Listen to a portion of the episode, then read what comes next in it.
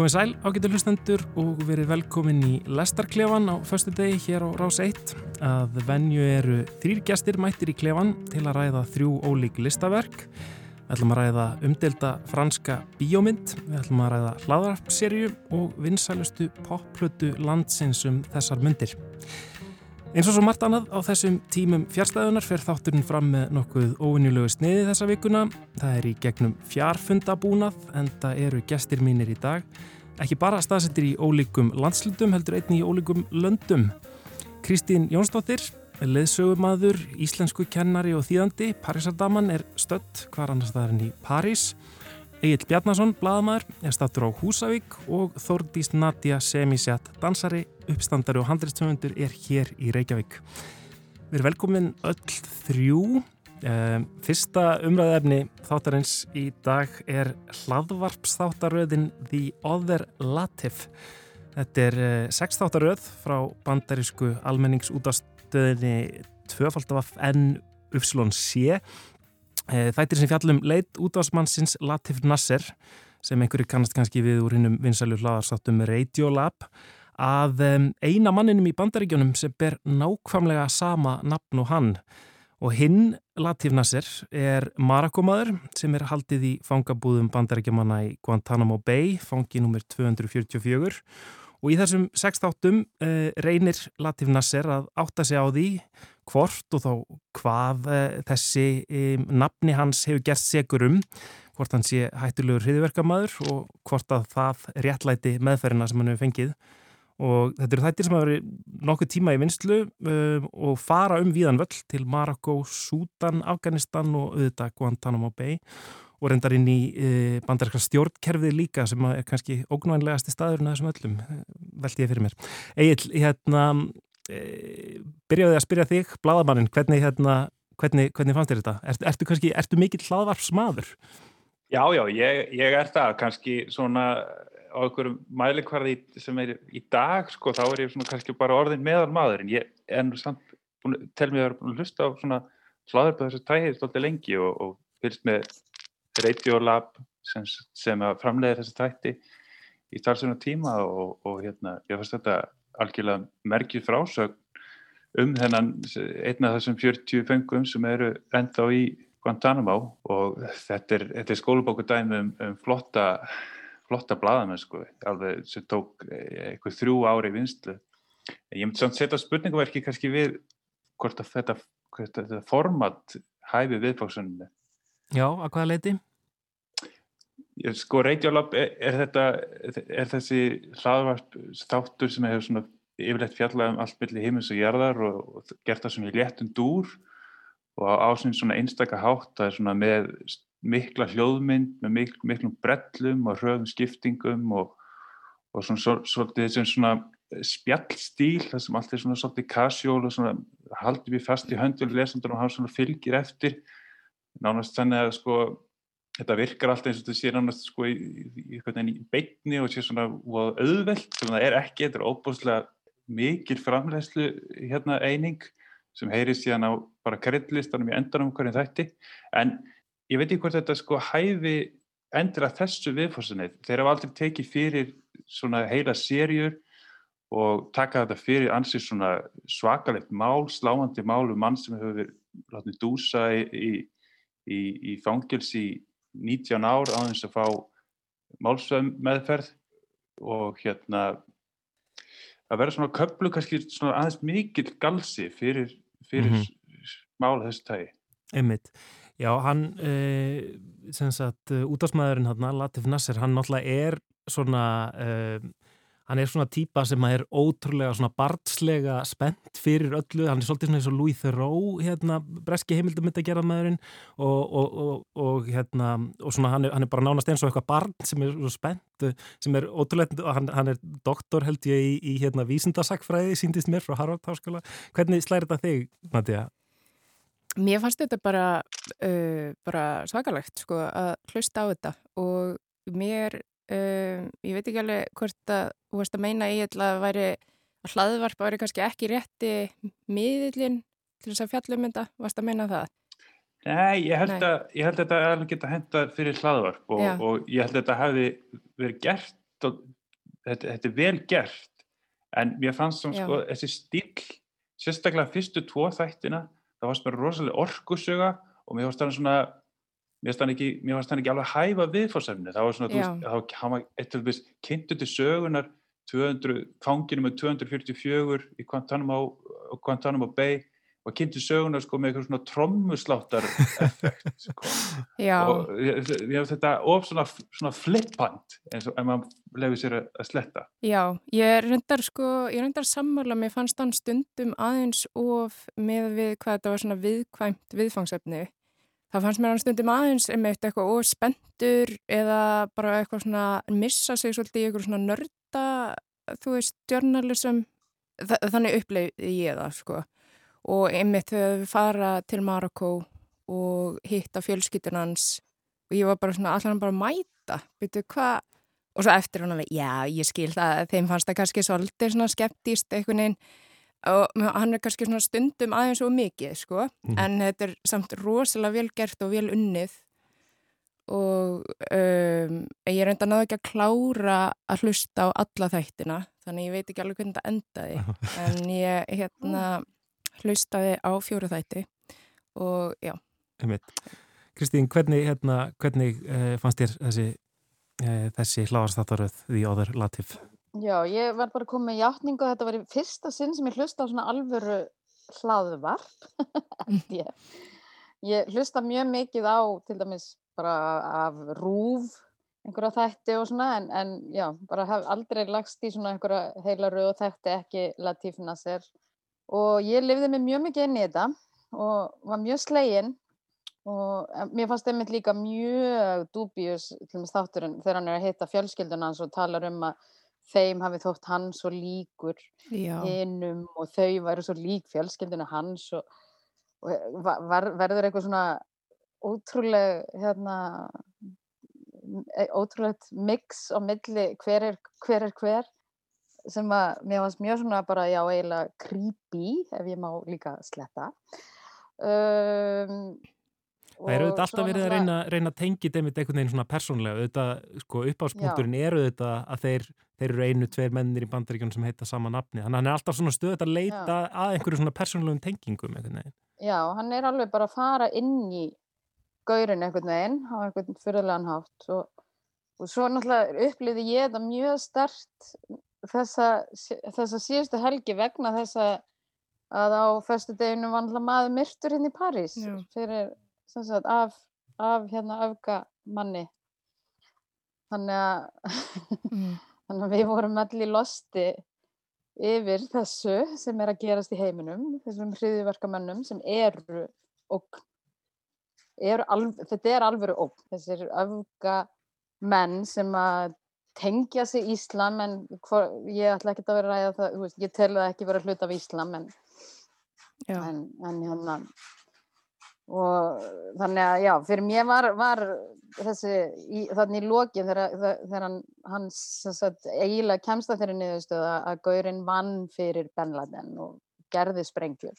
Og þá einhvern veginn bara, oh, þú veist, okkur ætti þá að sleppa hann út? En um leið náttúrulega bara hrikalega óögnalegt að vita þessu fólki að þarna. Lokuð hann inni og bara öllum heiminum skýt sama. Og ég líka sko, ég, ég er alveg þar fór ekki einhvern mik mikla tilfinningar rússipanna reið með að ég hlusta á þetta Þetta er náttúrulega sko uh, þetta stríðið gegn hérna hriðiverkum um, eftir, eftir 11. september hann í bandaríkjónum og, og, og mm. allt það sem gerist í kjölfarið og, og þetta, þetta hryllilega fangilsið þarna í Guantanamo Bay þetta er eitthvað sem var mikið í umræðinni kannski á fyrsta, fyrstu árunum þarna á, á þessum nýja árþúsundi en kannski bara svona með efnagsrunnu og svona 2008 og svo núna eru bara einhvern veginn önnur mál sem fólk er að velta, velta fyrir sér og þarna þarna sita 40 menn og, og, sem enginn er högstum en sko, af hverju er verið að segja okkur þessa sögu núna, Egil hérna, já, af, af, af hverju núna þessi þættir? Já, ég held að þetta sé, þetta er góð tímansending fyrir þessi þættir, þetta er náttúrulega nuttar tóltið bandarækjumunum upp úr í því að þeir eru ekki enþá búin að standa við það að loka þessum, þessum svona smánar bletta á sínu réttakerfi en og það hefur svo sem verið held ég alltaf stöðu umfjöllun um fanga í Guantanamo. Og kannski fækkar en aðeins eftir því sem að fangunum fækkar. En, en þetta fangir að þú opið og ég fyrra fekk nú fór nú Pulitzer velunin í bladamennsku til, uh, til New Yorker fyrir umfjöllunum um annan fanga og virkilega flott frásökt þar.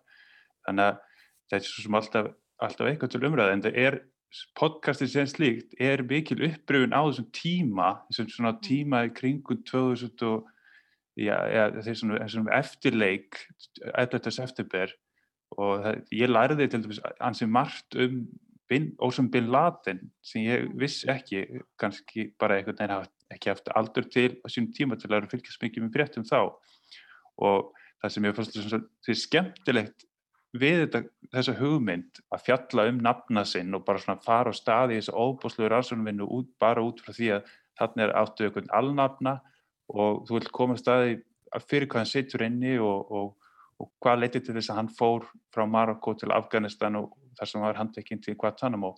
Og við sjáum ofta ekkert svona hvernig stór svona stórar hugmyndir í bladamennsku verða veruleika. En það er svolítið gaman að sjá í þessu hvernig, sko, hvernig fær hugmyndina. Maður, maður er það er ekkert oft sem það er eitthvað svona skemmtileg að sagja baka það. En það, en það sem ég ætla að segja er um þennan fanga eða þennan mann að mér er svolítið áhugaverð sko í kláðuspunu að hann er ekkert alveg síknaður auðvitað er þetta, hann er ekkert endilega hann er uppalega sett, sett, settur upp sem svona rangumar og einhver stað og manni finnst svona sennilega að það verið svona stór hlutaði hvernig við komum fyrir ornum en hann er á sama skapi svona einhvers konar Forrest Gump á, í öllu þessu stríðu gegn hriðverkunum er að rækta solblóm fyrir Osam Bin Laden er síðan grunar um að verið viðstattur í Bamjan þegar verið að sprengja bútastitturna þar og er svo komið til Tora Bora þegar Osam Bin Laden flýr þaðan og þetta er svona allt mjög merki frásög sem við einhvern veginn svona, við komumst ekkert alveg að kjarnar sannleikans, við fáum heldur aldrei að heyra hans rödd eh, sem er mjög óenlegt fyrir kannski svona glæpa podcast ef við setjum þetta í þann flokk. Þannig að þetta verður svona, þetta er, þetta er mjög tilröndikent og það er að læra margt af þessu. Já, mér fannst líka bara áhugavert sko þegar maður var að tala við uh, þessa hérna rítvöndar sem hefur skrifað bækur um ósama að hann var líka að tala bara við allskynns fólk sem voru sérfræðingar um þessi mál. Og líka bara að sjá hvernig bara vennlögt fólk getur þróast út í það að vera, eða skilur bara að vera vennileg manneski að yfir að fara inn í svona hriðverkasamtök og hérna og mér fannst bara eins og Egil sagði að mér fannst út, bara að vara einmitt fullt hérna um Osama og mér fannst líka Osama bin Laden var gerðið mannlegur í umfylluninni. Já þú veist, hann er einhvern veginn hefur alltaf bara verið svona eitthvað skrimsli með skegg skili, eh, með turban og skegg og eiginlega bara svona næsti eins og einhver bara svona mýta þú veist, ekki mannleg vera. Og þarna var svona farið aðeins inn í, mér var bara svona dýftin af því ákkuru var Bin Laden, ákkuru myndan eh, kaupa agur eða ákkuru fekk hann agur og ákkuru var hann að rækta sólblómafræ og ákkuru var hann með, hvar fekk hann peninga? Fullt af hlut með eins og ég vissi ekkert að, að, að hann ætti svona mikið peningum mm. eða hefði átt svona mikið peningum til dæmis. En það er samt eitthvað við hann hérna Latíf mannin sem bjóð til hlaðvarpið uh, hann stuðaði mig svolítið Já. í þessu, mér fannst bara ómikið á húnum í þessu og eins og ég sagði hann, þú veist, það kláraði ekki podcasti þannig ég held alltaf að þessi persónlega tenging sem hann var að gera kæmi ljós í lokin einhver áhugaverð tenging á milli þeirra, mm -hmm. að þeirra líf hafi verið úrslega svipað en mér fannst það ótrúlega langsótt hvernig hann var að segja frá því í podcastinu Einmitt. En ef ég má segja bara um þetta sem þú nefndi sko með, með hennar svona ráðgáttu stíl sem þið, þið útvarsmenn notið nú mikið ég held að sumi leiti er þetta alltaf eins og þessi podcast er pínleiti ofnótað það er augljóst að stundum eru svona ráð, svo, ráð það, hann setur upp ráðgótur hann segir kannski að það er eitthvað herbyggja hérna, hérna hinum einn í byggingunni sem ég veit ekki hvað fyrir hvað stendur eða hvað fyrir fram þar inni. Auðvitað veitan það bara með þessum aðferðum sem blaðum með beita alltaf með því að spyrja. Já. en það er, svona, veist, það er sett upp þannig að svona, þetta er aldrei svona þá keirir frásögnuna mm -hmm. en það myndi aldrei komast upp með þetta í, ef þetta væri sko, eitthvað annar e, eitthvað önnur konar fjölmiðlu Já, en svo notar hann alltaf líka sko hljóð, þú veist, hann er rosa starka hljóðmynd sem mann upplýta rosalega mikið hvernig maður upplifir Þú veist, og það er, þetta er rosalega cool. Veist, þetta er ótrúlega, þetta gerir þetta þannig að maður veist, heldur sér við efnum að nennir að hlusta allan tíman og svona hraðklift og þannig. En uh, mér finnst það bara svona kannski, þú veist, uh, hann verður ekki beint, hann verður svo hlutrægur í því. Já, þetta er auðvitað kannski sko nánast meiri bara sagnamennska heldur en bladamennska einhverju leiti eða það er verið að beita einmitt, hérna, tækjum sagnamennskunar miklu meira. Um, kannski einn punktur áður en við uh, snúum okkar að næsta listaverki þá hérna um, þá síðustu þættirnir sem að, sem að gerast í hérna nánast eiginlega innan, innan banderska stjórnkjörusins og, og hérna og svona það eru þarna í rauninni dagarnir áður en Donald Trump kemst til valda það sem er sko verið að reyna að, að, að koma sem flestum Guantanamo fengum hann út. Sko þannig að Donald Trump honum tekst eiginlega að vera vondikallin í hérna, þáttum sem fjallan og samt eiginlega um hérna, það sem að fyrir stjórnir hafa, hafa gert af sér. Hérna, hvernig, hvernig fannst þið það að koma út? Já, já, það er náttúrulega hver getur gert góða mannin úr Donald Trump? Það er, er við allavega mjög erfitt en hérna já, ég, ég emitt sko ég var fyrir svona smá emitt vannbreyðu með náttúrulega Obama sko. Ég bara eiginlega trúið ekki hann hafi skilið þetta mál eftir og bara gengið út og sé ekkert að gera í þessu. Það er eiginlega það sem að sittur eftir í mér frekar heldur en hvernig farið var með Trump. Einmitt.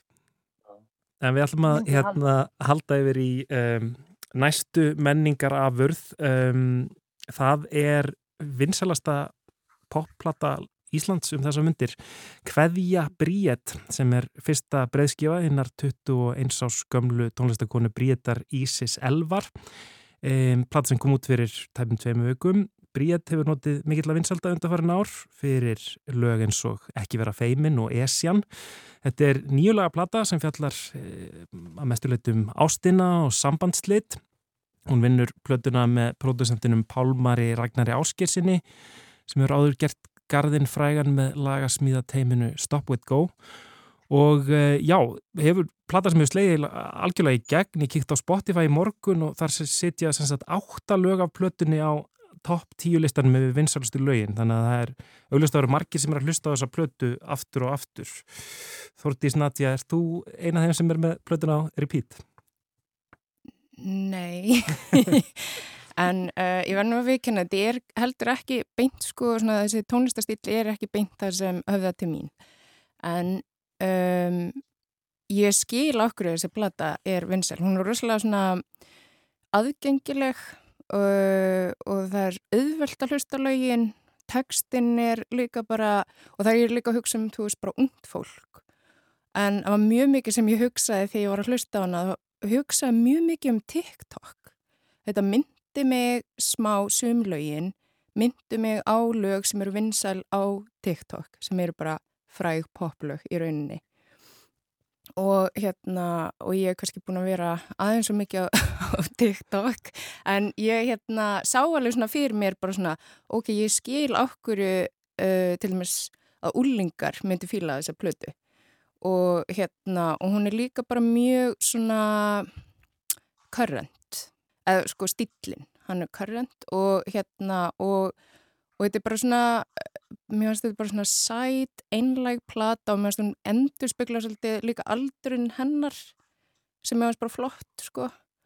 Og svo hérna finnst mér Bríett bara, hún er bara rosa flott, hún er góð sönguna en hún er líka performer en ég kannski bjóst svolítið við það, ég var ekkert mikið búin að hlusta á hana áður, ég kannski bjóst meira við þetta að væri svona meira indie plata út frá bara hérna hvernig platan lítur út eða sem mhm. sagt mm. coverið ásakið hvað ég sletti mikið ég á rosalega erfið með það ekki að sletta um, Kristín, hérna er þú að tengja við þarna ástasorg þessar tvítu oh. stelpu?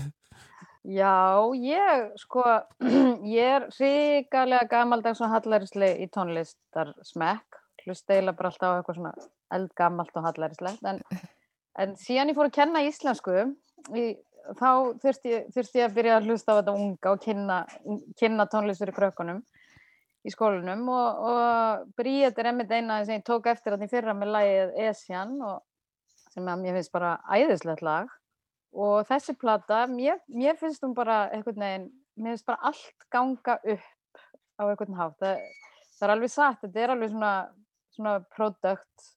Þetta er einhvern veginn svona vara þetta er pínu eins og þegar maður horfir á einhverja svona svona, svona Netflix-serju allt er, það tikkar í öll bóksinn en það einhvern veginn er samt ekki, mér finnst það ekki duga til að gera þetta flatt og óspennandi. Mér finnst þetta mér finnst bara einhvern veginn þessi blanda við með svona mjög, mjög miklum ballöðum og svo kemur svona dansin á milli og, og það er eitthvað svona húmor eða ég veit ekki eitthvað, já ég, ég allavega var alveg hugfangin bara, ég er búin að hlusta á hana aftur og aftur já. Þetta er svolítið áhugaverð blanda að mér finnst sko milli svona hún, hún, á stundum fer hún yfir í svona hálfgett svona eitthvað sko skandipop eitthvað sko yeah. alla, þú veist, Robin eða Lykkili eða eitthvað sliðis en svo hún líka mikið greinlega líta til Ameríku og til svona kannski pop tónlistamanna sem að er að sækja einhvern veginn í svona country, country og svo leiðis og, og hérna þannig að hún svona er einhvern veginn, finnst mér einhvern veginn á millið þessar að tvekja heima sko mm -hmm. um, Egil, eh, hvað segir þú? Hvernig, hérna, hvernig fannst þér að hlusta á þessa plötu? Ég finnst það bara mjög gott ég, ég hérna þetta er, ég var mjög ánaður ég, ég er einmitt samála því sem því sem segir sko, þetta, þetta, þetta er mikill rússibann þetta fer svona langt upp og, og langt niður, þetta hlusta á þetta runni hvað sem maður er ástfangin eða ást og sorg. Og fyrir mig þá fannst mér svona rólarulögin betri. En það kannski helgast að ég, ég var að íta eftir barnavagn í hössólunni þó síðan hlusta ég nú hinn svona þessi poppuðu lög aðeins ég var að hlaupa mér finnst þetta í alla staði bara flott svona bara flott, flott verk. Að hlusta á plötunum sem heildar verk held ég sé alveg óætt að mæla með því að, að maður svona maður, það, að, hún er úthugsu þannig held ég og kannski ekki alveg er alltaf því hvernig lögunu ráðu en, en það var samt mjög gaman að pæla í þessu út frá því sem að gera kannski ekki endilega núna en, en þannig er þess að sko hlje þar sem er eitt lag þar sem er bara mhm. blístraði eða svona flautaði anguværum tón og, og hérna og ég ég held að þetta gangi all, allt saman upp sko mm -hmm. Sko á einhvern hátt sko þá fannst mér þessi plata kallast svolítið á við, já, kannski einhverja bestu poplötu sem hefur komið út á undanfjörðum árum sem er hérna önnur svona break-up plata, ástar ástarsorg eða sambandslita plata sem eru afsakanir hérna, með tónlistamannum auður. Þeir eru báðar svona sko svona ofbóslega sko ber, berskjaldar uh, einhvern veginn. Það er verið að, verið að takast á við eitthvað svona erf, erfiða tilfinningar og, og verið einhvern veginn að reyna að segja allt sko og mér til dæmis sko þarna alveg í lokin á plötunni þá um, þá, þá, þá heyru við í bríðir sjálfri einhvern veginn virðist vera eins og sé að lýsa raunverulegum hérna, sambandslitum sko, heyrum bara nokkra setningar og svona, heyrum alveg frá, frá henni án þess að það sé sungið og sliðis. Þetta er svona eitthvað svona eitthvað svona berskjöldun þarna sem er náttúrulega rosa mikið í nútímanum og í nú, nú, nútíma listsköpun eitthvað neginn. Já, ég held líka sérstaklega meðal þeirra sem eru á þessum aldri veist, þau eru bara, það er eins og sé líka bara meira leifi til þess að vera opinn og skapa út frá tilfinningum og það er engin skömm einhvern veginn með það. Ég, sko, persónulega, mér langaði bara smá að, þú veist, ég vilja sjá eitthvað svona aðeins meira brútalarna í, þú veist, út af því að, af því að hún er svo vel gerðplatan og hún er svo langt frá að vera eitthvað rá. Hún er rosalega vel pródúseruð og hérna, og en ég meina auðvitað, þetta er náttúrulega bara hennar val og hennar plata en þú veist ef ég hef verið aðna með í stúdíónu skiljuru, þá hef ég viljað að fá eitthvað svona aðeins sem er meira hrátt. Af því að hún bara sem persóna virkar þannig á mig sem performer líka. Veist, hún er stór karakter. Og mér finnst platan svolítið svona og ég meina þetta ekki illa en mér finnst platan svolítið væminn þú veist, og ég hefði viljað að fá bara svona aðeins mér að kannski eitthvað svona punk inn í þetta. Og, og hún mér svo svo yfirvegu þegar hún er að tala um hérna, bara hægt að tala mig niður og bara rólegur kúriki.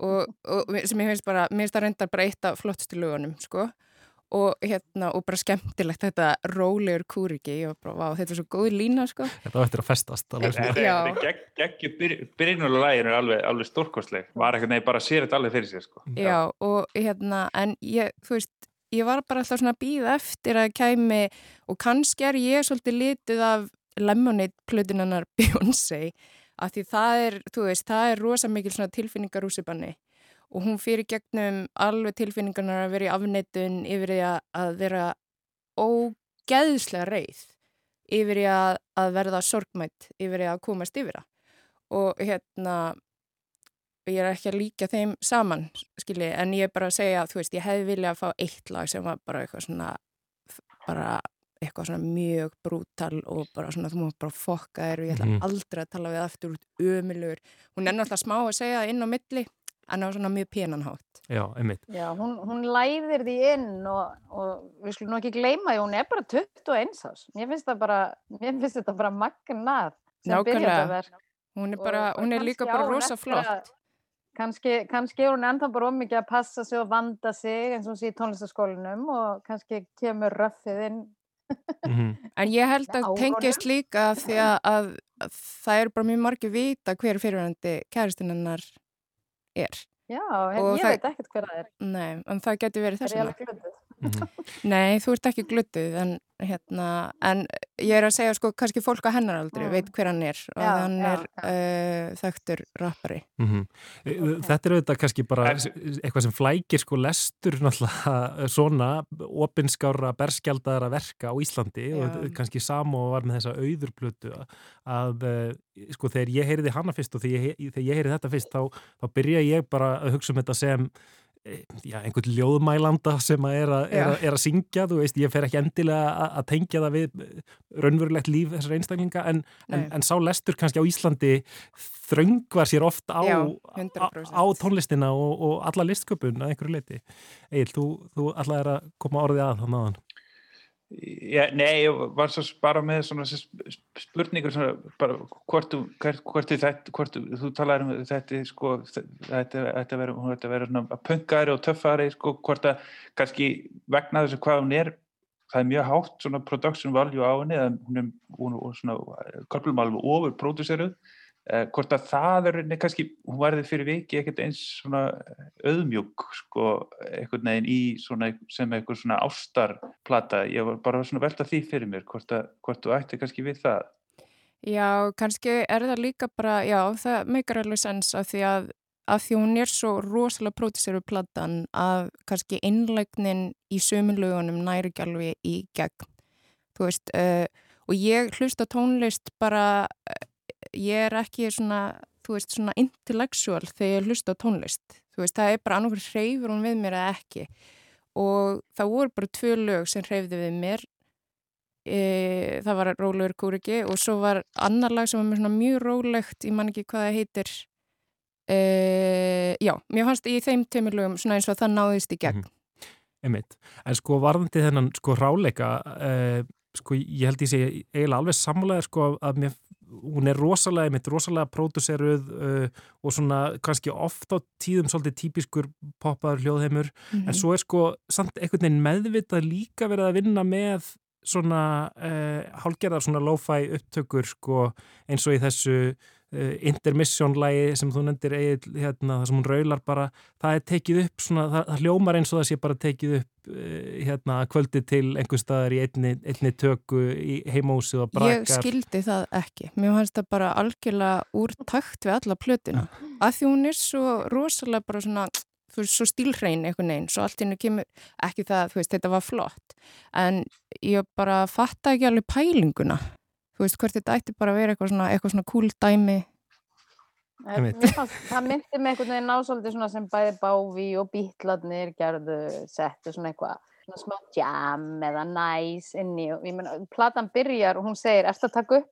Það er fyrsta sem að maður heyrir sem er líka svona eins og báfi eitthvað. Það, það eru til svo leis lög með báfi Já, þannig að ég veit ekki. Einmitt að það reyna að gefa, gefa einhverja svona um, færa okkur nær enni heldur en kannski þess Já, að við poppu inn pródúsunum í, gera. við erum inn í stúdíónu með Já. þeim sko, einhvern veginn. Og þú veist, hún er ekkert að fela það að þetta er, þetta er alveg vara sem hún er að vinna eða þú veist. En, en Það verður rauninu svona svipa, svipa stílbrað og hjá þessi podcast sem við vorum að tala um, sko, að það verður svona meðvitað verið að gera hlutina einhvern veginn þannig að maður komin svona bak við tjöldinni eða eitthvað svo leið en, en mér fannst að hefnast vel hann í lokin og, og hérna, ég er alveg samlega því að mér fannst Kúreki og ég held að þú að vera að tala um hérna lagi sem heitir Djúb Sár Já. tjúps. Gróa- hægt, Já, já, já, já. og það er öll, öll lögin er skrifuð með stóru stjórum, st- semst hástöðum í, í byrjun á hverju orði sem ég fannst nú svolítið skrítið en hérna. Man, já, manni finnst þess að maður er að segja það og þá svona einhvern veginn, hann er ekki þú. Já. Já, já, já, já, já. Ég held að en hérna það, ég hafa samt sko út, út þetta er platanur á íslensku og hérna bara textandir fínir margir. Og ég veist líka að maður heyrir, heyrir hana flytja þetta á íslensku þá verður svona þá er þetta svona samanbörður miklu áþreifanlegri og ég fannst einhvern veginn, ég hafði ekki heyrt þennan svona talent eh, lengi á íslensku þetta, þetta hefði verið mjög spennandi að sjá bara svona í hvað átt hún fer eftir Mm. þetta eða með Hver semur textana? Semur hún sjálf textana? Ég he- held að hún allavega á Spotify þá titla hann sér söngvar og lagahöfund Eh, þannig en ég, ég, ég, skal ekki fara með það sko Mhm. Nei. Einmitt, já, það verður áhugavert að fylgjast með Bríeti áfram, hún er svona uh, stór karakter, hún á örgleftir að, að finna sig í, í hérna, og ef hún er ekki búin að finna sig að, að hérna, hún er svona þessi stóra persóna eins og margar popstjórnir sérmaður og hún, hún getur svona einhvern veginn um, farið í allra kvikindar líki einhvern veginn og, og, og já, stór persóna einhvern veginn, skemmtilegt. En bara eins og Napoleon gæti ná langt ef aðstæður leifa En við skulum um, snú okkur að síðasta umræðu efni þáttarins í dag. Það er franska kvikmyndin Mignon, segi þetta rétt? Minjón, Mignon, minjón. segi þetta rétt Kristín? mjög vel hjá þér Ok, Já, flott. mjög vel. Um, sem við gætum kannski þýtt sem uh, Krútin. Hún er aðgengilega á íslenska Netflixinu uh, en þar þurfum við að leita að henni á undir enska heitinu sem er Cuties. Þetta er mynd eftir leikstýruna eh, Maimonu Dukure. Um, hún fjallar um 11 ára stelpu, Ami. Fóldræðinar eru frá Senegal og eru að reyna að ala stelpuna upp sem góðan múslima þarna í útkverju Parísar. En hún sækir í félagskap vinahóps sem kalla sig Krútin, stelpur sem haga sér á allan hátt í andstöðu við menningu fóreldrennar hanga á samfélagsmiðlum, eiga í stöðum, útistöðum við yfirvaldið og eða svo deginum í að dansa ofur kynferðislega, einhverja frístæl dansa með það fyrir augunum að vinna danskeppni. Þetta er mynd sem hefur verið svona svolítið uh, umdeild, sem sagt uh, gaggrind fyrir að kyngera barnungar stelpur og hafa verið gerað tilraunin til að fá myndin að banna það í einhverjum svona íhaldsamari ríkjum bandaríkjana. Um, hvernig er umræðan í, í Fraklandi, Kristín? Er, er, er fólk nexla þar líka eða hvað? Nei, alls ekki. Hún vekur bara gríðarlega miklu aðdegli. Það, það var eitthvað, það kom upp einhverja rattir, svona einhverjir feministar sem voru eitthvað að reyna að tala um að þetta væri kynferðislegt en, en það náði engum, engum hæðum og frakkar eru náttúrulega bara mjög vanir því, svona kynferðislegu myndum og allt slíkt þannig að það er kannski svona ónæmari fyrir, fyrir þeim hluta. En, en málið er náttúrulega bara þegar þú sér þessa mynd að þá, þá er ekkert verið að maður er aldrei settur í eitthvað svona, svona gæjara hlutverk og þær er aldrei eitthvað dæmdar fyrir það sem þær eru að gera þær eru bara virkilega þetta eru bara 11 ára æðislegar stelpur sem eru fullar af orku og krafti og þurfa að koma því út og fá, eiga náttúrulega bara enga rödd neinstæðar, þetta eru náttúrulega bara stelpur sem búa í, í miklu fátakra hverfi hérna erfiðu hverfi og það sem er, er einmitt svona gengi og bardagar og, og þú veist, það eru nývar í skólunum og þetta er bara, og, og þetta í raun og veru er yfirvöldum alveg skýtsama um þetta fólk, ég meina Sarkozy vísar til þess að hóp sem, sem hérna Rakai, bara dreggjar þjóðfélagsins í, þegar hann kom hann eitthvað til manni heimsókn og þannig að þú veist það er einhvern veginn skamlust bara litið niður á þetta þannan þjóðfélagsóp og mm -hmm. þær eru náttúrulega bara neðstar í því sem, sem litla stelpur og, og hérna og, og, og það er bara langar ekkert að vera þar og það er gera það sem það geta alltaf brjótast út í og mér fannst það bara einhvern veginn frábært sko. Já myndin sjálf svona, mér, þér fannst ekki of langt gengið þarna í, í, í mjög löngum dansadriðum í þessum mjög hérna, kynferðislugu dansum sem að, sem að þær hafa um, tekið af, af netinu og, og hérna þann Nei, þar er, þar er að herma eftir eftir söngkonum og, og fólki sem er með hérna, hefuröld og og þær eru þarna á mörkunum. Það er bara þessi mynd sínir það mjög vel um þær eru kvorki börn ég fullornar heldur þarna milli og eru að spyrja á túr og allt þetta er að þurfa að leita uppi hvernig konur að vilja vera og náttúrulega aðal söguhetjan er að horfa upp á memmu sína hérna, samþykja það að það komi önnur kona inn í hjónabandið.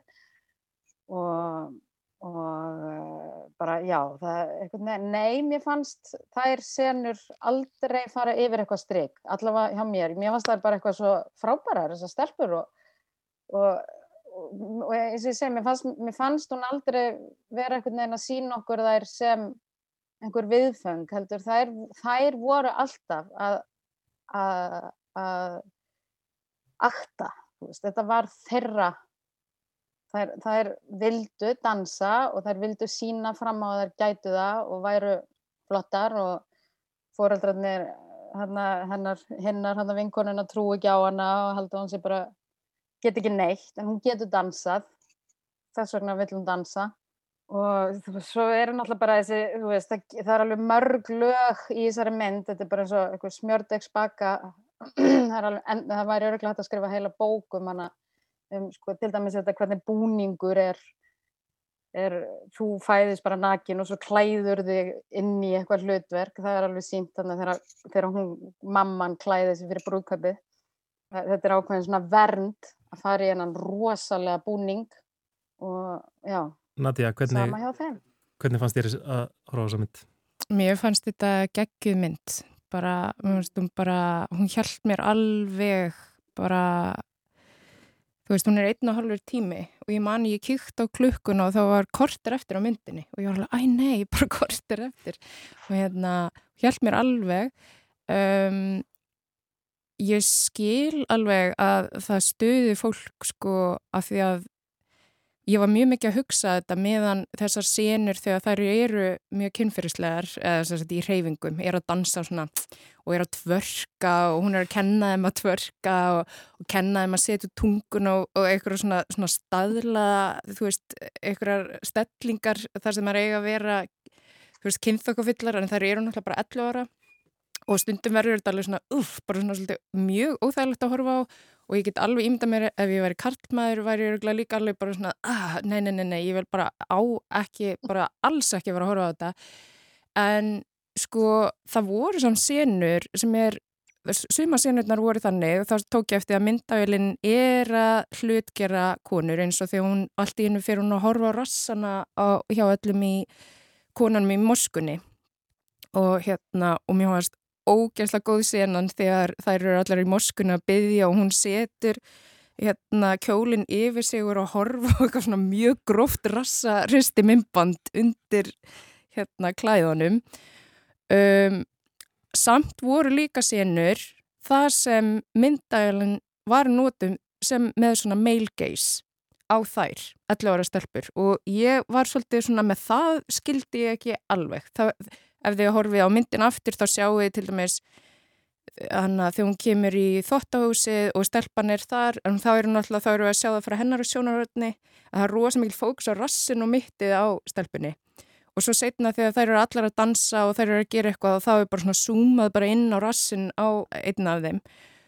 Og ég svona, var svona veltaði fyrir mig hvort það var meðvitið ákverðun hjá leikstjórunum að sína þær þannig en svo langaði mér líka að segja að mér fannst svo geggja í þessar mynd af því að hvernig þessi mynd er sett upp er, þú veist, þessi hlutverk hún er svo tínd aðalpersonan hún er annarkvörst, getur hún bara verið dýrlingur eða bara verið eitthvað svona, þú veist, eitthvað lauslátt, eh, rassaristi, eitthvað svona ókslega ykt út, kynferðislega útgáfa.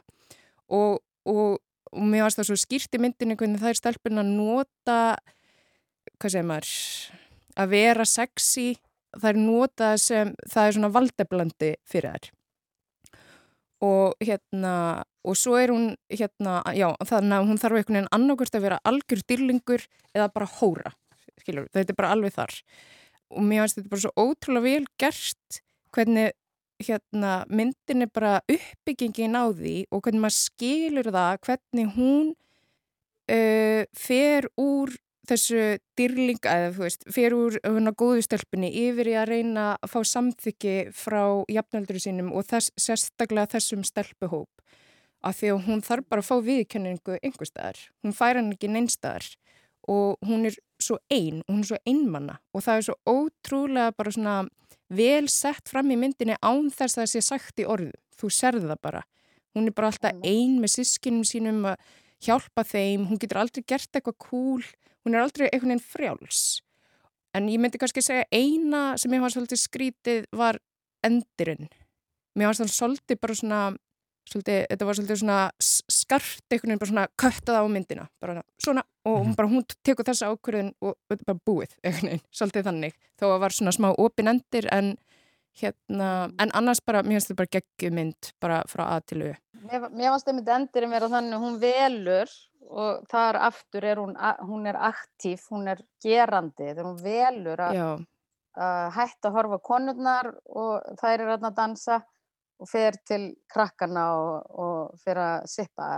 Ég tók því bara sem að hún var væri að finna sig, þá fer hún Já. í miðjuna, því hún fer ekki inn í veisluna, hún er ekki með, hún fer ekki í kjólinn Nei, hún fór ekki kjólinn en, en hún fór saman með krökkunum sem er í vestlunni, þær eru allar í sínum kjólum hinnar. Já og það er kannski eitthvað svona, ég veit ekki alveg, en ég, mér fannst það bara meira svona tankgrænt með fötunum sem hún var í að Já. hún væri komin eitthvað mitt og milli, hún Já. er ekki þessi dyrlingur og hún er heldur ekki hérna alveg öfgakent í hínáttina. Þetta er auðvitað líka Emme, bara þessi, þessi sko tveir uh, menningarheimar sem að sko báðir eiginlega notfæra sér líka maður hvenna á einhvern nátt. Það er, ja. veist, uh -huh. það er þessi um, múslimski heimur þarna þar sem að sko sagt, maðurinn er að gifta sig aftur þannig að hann er sagt, eignast aðra konuna sína uh -huh. og sem er mikið mjög erfitt fyrir sagt, fyrir eiginkunna og, mm -hmm. og hérna og, og, og maður heyrir um þarna frá gamalli frængu að hún hafi nú ekki verið eldri heldur en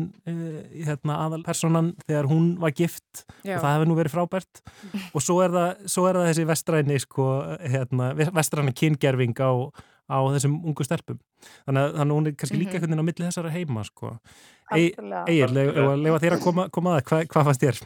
Já, ég, ég, get, ég get tekið undir það. Þetta er, mér fannst þetta, ég horfði á þetta einmitt svolítið með þeim að þarna er verið svona marg eggja einhvern veginn sko, það er mikil brottur í myndinni þetta er, þetta er alltaf mikil ádeila á sko bæði vestræðansnafélag og svo líka svona þennan uppruna leikstjórans. Þetta þetta Þetta er mynd sem er byggð, eða leikstjórun hefur sjálfur sagt að þetta sé mynd sem er svona svolítið byggð á hennir eigin sög. Hún er sjálf frá Senegal. uh, og kom til Fraklands uh, sennilega uh, á þessum aldri.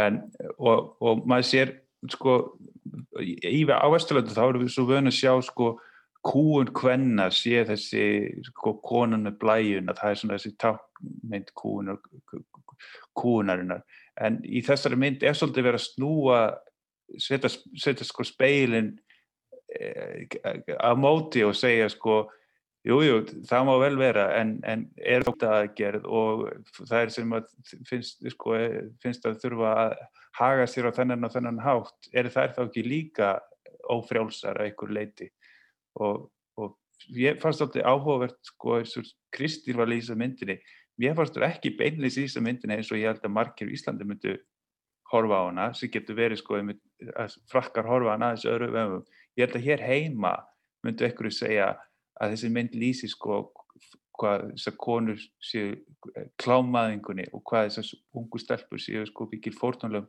klámaðingarinnar en kannski er ég að snúa eitthvað út úr en ég fannst svona það sem Kristi sagði að þarna var, það var svona þar var raunin bara kannski að sína valdsitt með einhverjum, einhverjum hætti. En, en ég er að leita að leið til þess að sína að geta eitthvað. Ég er ekki að meina að það er ná einhverju valdi með þessum hérna, kynferðis hérna, þessum kynferðslegur reyfingu sínum sem, en, en, en ég fannst aldrei að fara yfir strikið Nei, en heldur þau samt ekki að frakkar horfa, horfa myndin aðeins öðrum ögum heldur til dæmis Íslandingar, eða hvað? Jú, jú, við náttúrulega erum bent inn í þessu, fyrstulega er hún bara tekin hérna inn í París, veist, þetta eru bara hverfin sem ég hjóla hérna gegnum að hverju meinasta degi og, og við erum alveg inn í, við erum inn í þessum heimi, þegar hann er hérna með okkur og, og ég náttúrulega bara miklu meira umræða um svona mál í Fraklandi heldur en á Íslandi okkur þenn opnari og, og flóknari og hérna með aðlögun og allt þetta. Hver á aðlagast hverjum og hvers vegna og hver, af hverju við öll að vera svona eða hins einn og, mm, og þessi myndi gerð algjörlega þetta er alveg svona sannsöguleg mynd að því leiti til að hún, hún hjekk leikstýran en náttúrulega alinnaðnu upp sko, og, og hjekk síðan áfram í þessum hverfum og talaði við fylgta stelpum og hún þakkar þeim. Hann í lokin og segi mm. takk alla stelpuna sem gáfi mér allar þessar sögur. Þetta er, þetta er mjög samfærandi lýsing held ég áður bara ja. fyrstulega á því hvernig er að vera 11 ára. Mm. uh, og hérna ég ég, ég með svartsíma og lækin. Já á þessum tíma. lækunum, það, mér finnst það alveg bara gríðarlega ég frétti fyrst að þessari mynd bara í sko, sjómarsveitu rúf þar sem var að segja frá því að það væri búið að sko Það tekið fram sérstaklega að það væri fólk í Texas sem væri búið að ákjæra hérna, Netflix fyrir að hafa tekið þessu mynd í síningu og svo var viðtal við, held ég, eitthvað löffræðing uh, barna eða frá barnaheill eða eitthvað eða þeim dúr og hún talaði myndinu sko og sagði að hún mælti með því að ef, ef, ef, ef að börn eldri en 13 ára, eða myndinu bönnu, fyrir yngri, uh, ef þau vildu horfa á þetta, þetta horfa á þetta með fóröldur sínum en ég er svona samt veld fyrir mig sko hvað það er sem börn ef við skefum okkur eitthvað 14 ára að horfa á þetta hvað það er sem þau að læra. Því að það er að horfa á þessu myndtanni og taka þessu mjög bókstallega og sjá sko að stelpan, að þessi Amy aðalpersonan hún svona eh, hún, hún, hún verður ákveðin svona rebell með því að eh, með því að svona umturna sér einhvern veginn uh, og svona maður, það er ákveðin aðdáðan sem fylgir henni og svo er svona, og svo gengur hún alltaf langt, gerir eitthvað sem hann auglustlega á ekki verið að gera, en það er samt þegar lengar afleggingar uh, sérstaklega út í lokin, þetta er bara svona bara búið, hún er bara ánæg uh, þannig að ég veit ekki alveg sko, ég veit ekki alveg hvað hvað, sko, mér fannst þetta pínlít eins og þegar maður horfið á, sko, þegar ég var í grunnskólum áralatinu að horfa á á dýragarsbönnum til að sko nota ekki fíknefni og, og, og læra þísku uh, að það virkaði bara búið að gama uh, og því að síðan var bara hægt að hætta, að, sko, hætta eitthvað, þannig, en, en ég held hins vegar að foreldrar hefðu mjög gott að horfa á þessu mynd og börn mm. sennilega alveg líka, eld kannski táningar og þess að það, en foreldrar ekki síst vegna þess að það, þannig er ekkert síst, síst, síst fyrst, fyrst og fremst er kannski líka verið að fjalla um sko vannrækslu uh -huh. þessi stelpa er alltaf mikið, hún, hún, hún er algjörlega einn á báti. Og hæði einn í samfélaginu uh, og svo er, er enginn til að halda einhvern veginn utanum hana sko heima fyrir. Ég, ég verð verð, verð, verð að stoppa ykkur núna, við erum brunin inn á tíma. Um, hérna, en, en kannski mér langar bara að bæta við einu sko að, uh, að því að það hljóma kannski ofta þess að þessi mynd sé um, kannski ógnarlega, hryllilega eitthvað en þetta er náttúrulega eiginlega grínmynd og hún er, hún er mjög fyndin að mér fannst. Þannig að hérna mér langaði bara að koma Þetta var grínmynd? að einhverju leiti sko. Já, ok. mér, mér meðast alveg hérna, mjög mörg, mjög fyndin atriði sem ég svona nánast hló upp, upp á, þegar hún, sko. þegar hún hrindi stelpun út í, út í skipaskurðin um, en við verðum að láta staðan umið um, takk kærlega fyrir komuna uh, í Lestarklefan. Kristín Jónsdóttir, Þortís Nadia og Egil Bjarnason um, já, Lestarklefin verður ekki lengri þessa vikuna. Takk fyrir okkur